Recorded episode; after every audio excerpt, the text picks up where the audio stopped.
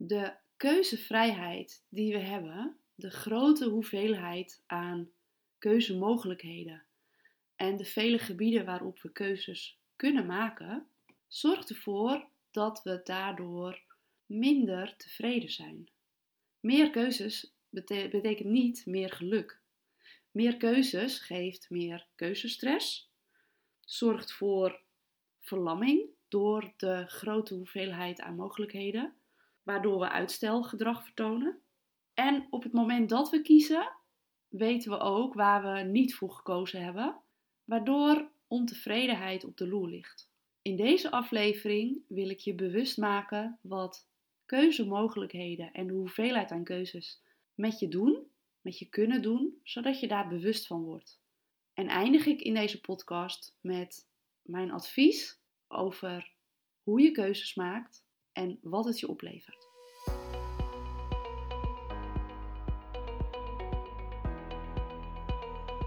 Welkom bij een nieuwe podcastaflevering in deze pleegzorgpodcast. En vandaag wil ik het met je hebben over kiezen. We willen namelijk alles, of in ieder geval heel veel, behalve kiezen. En uit wetenschappelijk onderzoek blijkt dat meer keuzes niet altijd gelukkiger maken. En ik was zo eens wat aan het opzoeken op internet, lekker scrollen op dat verslavende scherm. En ik kwam psycholoog Barry Zwarts tegen. Uh, hij doet mee aan wetenschappelijke onderzoeken en hij is ook de schrijver van het boek De Paradox van Keuzes. En ik vond het te interessant om dat niet met je te delen, omdat dit weer net een andere invalshoek geeft over hoe je ruimte krijgt in je agenda, hoe je grip krijgt op je agenda, waardoor je meer rust krijgt in je hoofd en meer ruimte voor je missie. Van oudsher is er op een gegeven moment een beweging geweest waarin wij als mensheid meer vrijheid wilden creëren. En het vergroten van die vrijheid ging gepaard met meer keuzevrijheid. Meer keuzes zouden leiden tot meer vrijheid en welvaart. Maar dat is een gedachte die op een gegeven moment als een soort van waarheid, als dogma is overgenomen, is geïntegreerd in onze maatschappij. Maar nu blijkt dat we daarin zijn doorgeslagen, waardoor blijkt dat meer keuzes leidt tot meer keuzestress en meer ontevredenheid. En het voorbeeld wat Barry Swarts mooi aanhaalt is uh, spijkerbroeken waarin hij vertelde met een grap en een gerol dat hij vroeger gewoon de spijkerbroek in zijn maat kocht. En er waren niet allerlei verschillende modellen. Dus hij zegt ja, meestal zat hij niet helemaal perfect. Maar hoe langer je hem droeg en hoe vaker je hem gewassen had, hoe beter die paste en hoe lekkerder die ging zitten. En uiteindelijk werd het je lievelingsbroek en woonde je er zo ongeveer in. Maar als je nu naar de winkel gaat, dan wordt er gevraagd: oké, uh, welke model wil je? Welke pijpwijte? Uh, boven, hoog, laag?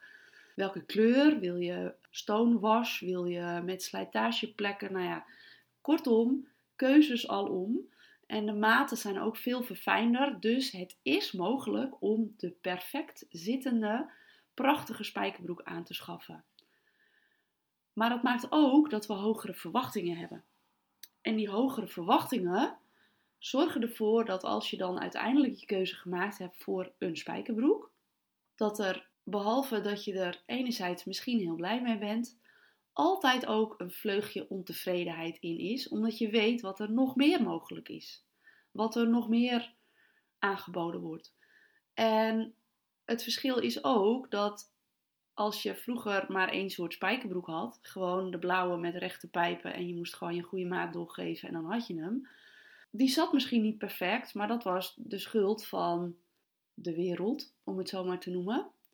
Uh, dat was dan de schuld van de wereld, want er was geen andere spijkerbroek.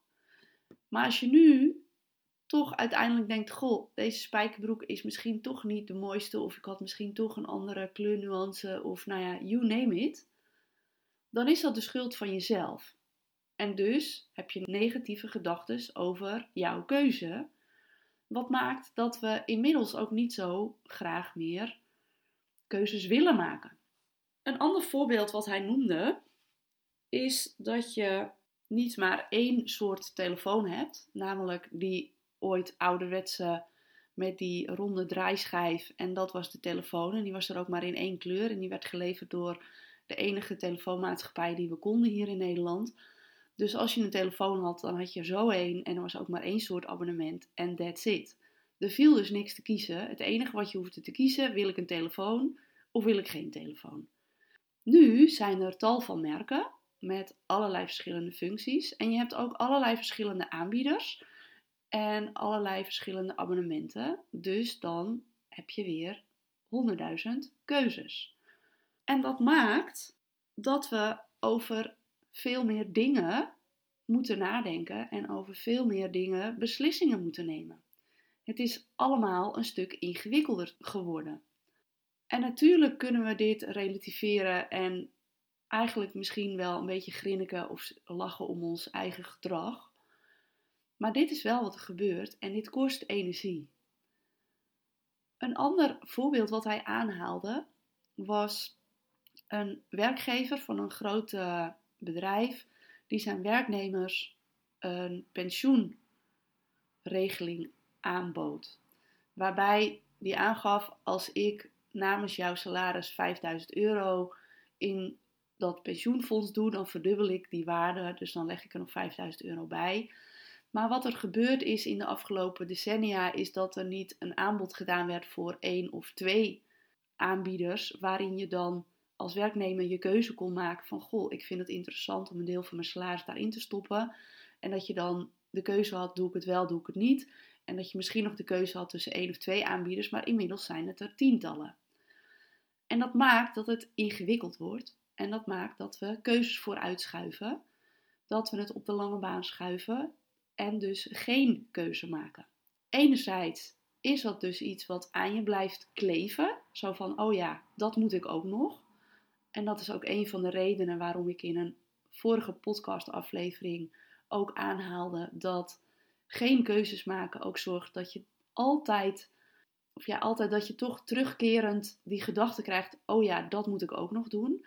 Waardoor je structureel het gevoel hebt dat je nooit klaar bent, dat het nooit af is. En dan maakt het niet uit of dat werkgerelateerde uh, dingen zijn die blijven liggen of privé dingen. Het blijft aan je knagen en het blijft in je hoofd rondspoken. En dat vraagt energie, want op het moment dat je dingen moet onthouden, kost je dat hersencapaciteit. Uh, nog een leuk voorbeeld wat Barry Swartz aanhaalde, is de voetbalwedstrijd van je zoon. Je gaat bij de voetbalwedstrijd kijken en als je een aantal decennia terug als ouder bij de voetbalwedstrijd van je zoon ging kijken, dan ging je kijken je haalde misschien een kop koffie of een kop thee in de pauze en dat was het. Je was full focus aan het kijken en met je volle aandacht bij het spel van je kind. Nu hebben we een telefoon, dus we hebben de keuze om wel of niet je telefoon op te nemen. Je hebt een keuze te maken. Ga ik wel of niet reageren op dat berichtje wat ik nu in mijn scherm zie staan? Of je hebt toch de verleiding en dus een keuze. Ga ik dat e-mailtje even openen of laat ik het liggen? En als je het toch voor kiest om het te openen, ga ik dat nu beantwoorden? En wat ga ik dan beantwoorden? En dat maakt dat we dus niet 100% vanuit focus en rust aanwezig zijn bij de voetbalwedstrijd van onze zoon.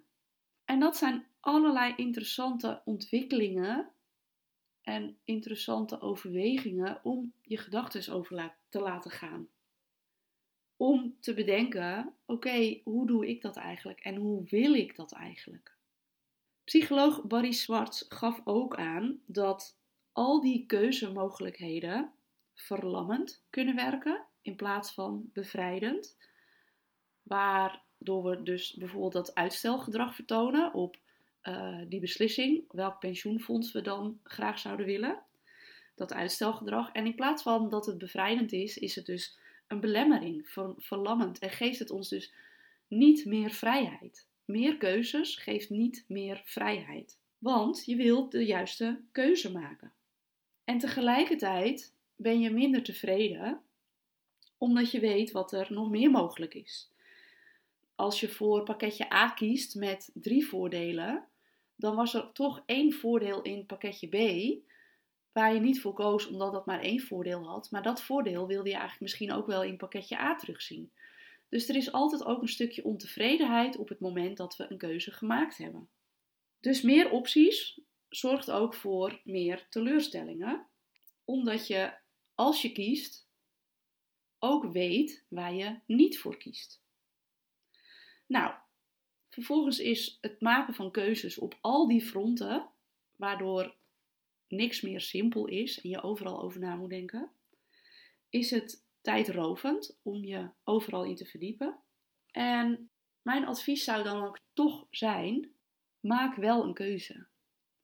Want wat ik net al zei, geen keuze maken zorgt ervoor dat het regelmatig in je gedachten terugkomt. Dus het kost je hersencapaciteit, waardoor je niet de volle 100% van je hersencapaciteit kunt benutten voor datgene waarmee jij verschil wil maken binnen pleegzorg. Maar mijn advies is dus nogmaals om keuzes te maken, omdat je het daarna los kunt laten. Dus calculeer die teleurstelling in of calculeer in dat je weet dat als je kiest voor A, dat je plan B los moet laten. En laat dat dan ook bewust helemaal los. Ik zie te vaak dat mensen in het maken van keuzes eigenlijk rondjes blijven rijden op de rotonde, omdat ze niet weten welke afslag ze nemen. Wat resulteert in het langdurig rondjes blijven rijden op de rotonde. Wat wil zeggen dat je blijft doen wat je altijd al deed en dus krijgt wat je altijd al kreeg. Dus er is geen verandering, er is geen stap vooruit waardoor je nieuwe ervaringen opdoet of meer succes ervaart of meer vervulling ervaart of nou ja, vul het in. Dus als je op die rotonde rijdt, maak een keuze. Neem een afslag. Neem op dat moment de afslag waarvan je de sparkle in je hart voelt, waarvan je denkt: ja, hier word ik blij van, hier ga ik voor. En op het moment dat je op die weg rijdt, waarin je natuurlijk ook hobbels tegenkomt en natuurlijk ook nadelen gaat ervaren. Maar als dat uiteindelijk niet leidt tot dat waar je eigenlijk voor wilde gaan, kun je vanuit daar altijd weer een afslag nemen om op die andere weg te komen die je ook vanaf die rotonde had kunnen rijden. Of je kunt omkeren, naar de rotonde teruggaan en die andere afslag nemen. Maar maak een keuze, want het maken van geen keuze is uiteindelijk eigenlijk ook een keuze. En dan kies je dus om te blijven staan waar je nu staat. En de vraag is of je dat wil. Als je deze podcast afleveringen luistert, wil je waarschijnlijk iets anders. Want dat gevoel dat je nooit klaar bent, dat komt omdat we enerzijds niet zoveel keuzes durven te maken, daar toch wat terughoudend in zijn, wat door verlamd zijn of de weerstand ehm, om de teleurstelling te voelen toch groter is, waardoor we geen keuze maken of het in ieder geval uitstellen. En zoals je in andere podcastafleveringen wel hebt kunnen horen, is mijn advies ook altijd om de dingen die je nog moet doen in een takenlijst te zetten, zodat het geen hersencapaciteit kost. Zodat je het in kunt plannen wanneer het uh, jou past om daar uh, je aandacht op te richten, om daar aandacht aan te geven. Want dat gevoel dat je nooit klaar bent, dat is natuurlijk ook omdat er altijd wel iets nieuws bij komt. Meer taken, meer opties, meer verleidingen. Dus mijn advies zou zijn: kies wat ertoe doet, want je kunt niet alles. Niet kiezen maakt dat je op de rotonde blijft zitten, blijft rijden. En wel kiezen maakt dat er een aantal opties zijn waar je dus niet voor kiest, maar dat er één optie is waar je heel nadrukkelijk wel voor kiest. En daar ook helemaal vol gaat en daar de voldoening van ervaart. Want je kunt niet alles. Het gevolg daarvan is dat je vaak de dingen half doet, waardoor het inderdaad nooit klaar is. En waardoor je ook nooit de vervulling ervan gaat ervaren, het succes ermee gaat bereiken. Dus kies wat ertoe doet. Kies wat een plek krijgt in jouw agenda. Kies wat een notitie verdient op jouw takenlijst en wat niet, wat je loslaat. Kies wanneer je wel en niet bereikbaar bent en voor wie. Kies waarmee en met wie jij je vrije tijd invult. Kies met welke mensen je je omringt. En als je kiest, kies je nogmaals dus ook altijd om iets niet te doen. Dat wat je niet kiest, laat dat los. Dat loslaten zorgt ervoor dat je iets anders heel goed kunt vastpakken. Dat je alles kunt geven. Want jouw werk is nooit af. Je voelt altijd wat er nog niet af is. Je hebt altijd het gevoel nooit klaar te zijn. Maar niet kiezen zorgt ervoor dat je heel veel dingen half doet. Niet kiezen zorgt ervoor dat je geen focus op de belangrijkste taken hebt. Niet kiezen voor, zorgt ervoor dat je je altijd druk voelt. Niet kiezen zorgt ook voor te veel afleidingen. En niet kiezen zorgt ervoor dat het belangrijkste ondersneeuwt. Jouw missie sneeuwt onder. En dan zul je nooit de vervulling van je succes ervaren. Als je niet kiest, is nooit iets af en voel je nooit de vervulling van jouw succes. Dus om even op het begin in te haken, waarin ik begon over het wetenschappelijk onderzoek, waaruit blijkt we willen alles behalve kiezen, zet ik hier tegenover kies en laat los waar je niet voor kiest, zodat je full focus kunt gaan waar je wel voor kiest. En daar wil ik je voor vandaag mee laten. En ik ben heel benieuwd welke keuzes jij gaat maken na het luisteren van deze podcast. Weet dat de deur altijd voor je open staat. Ik ontvang met heel veel liefde jouw berichtje. Je kunt mij altijd een mailtje sturen of een berichtje via mijn LinkedIn-pagina. En de links hiervan, hier naartoe, die vind je hieronder in de show notes. Laat me weten wat deze aflevering jou oplevert. Ook als je vragen hebt of als je voelt: oké, wacht, ik wil echt meer. Ik wil meer input, ik wil meer inspiratie, ik wil meer coaching op wat ik te doen heb binnen pleegzorg. Stuur me dan ook een berichtje en dan gaan we geheel vrijblijvend in gesprek om te kijken wat ik voor jou kan betekenen.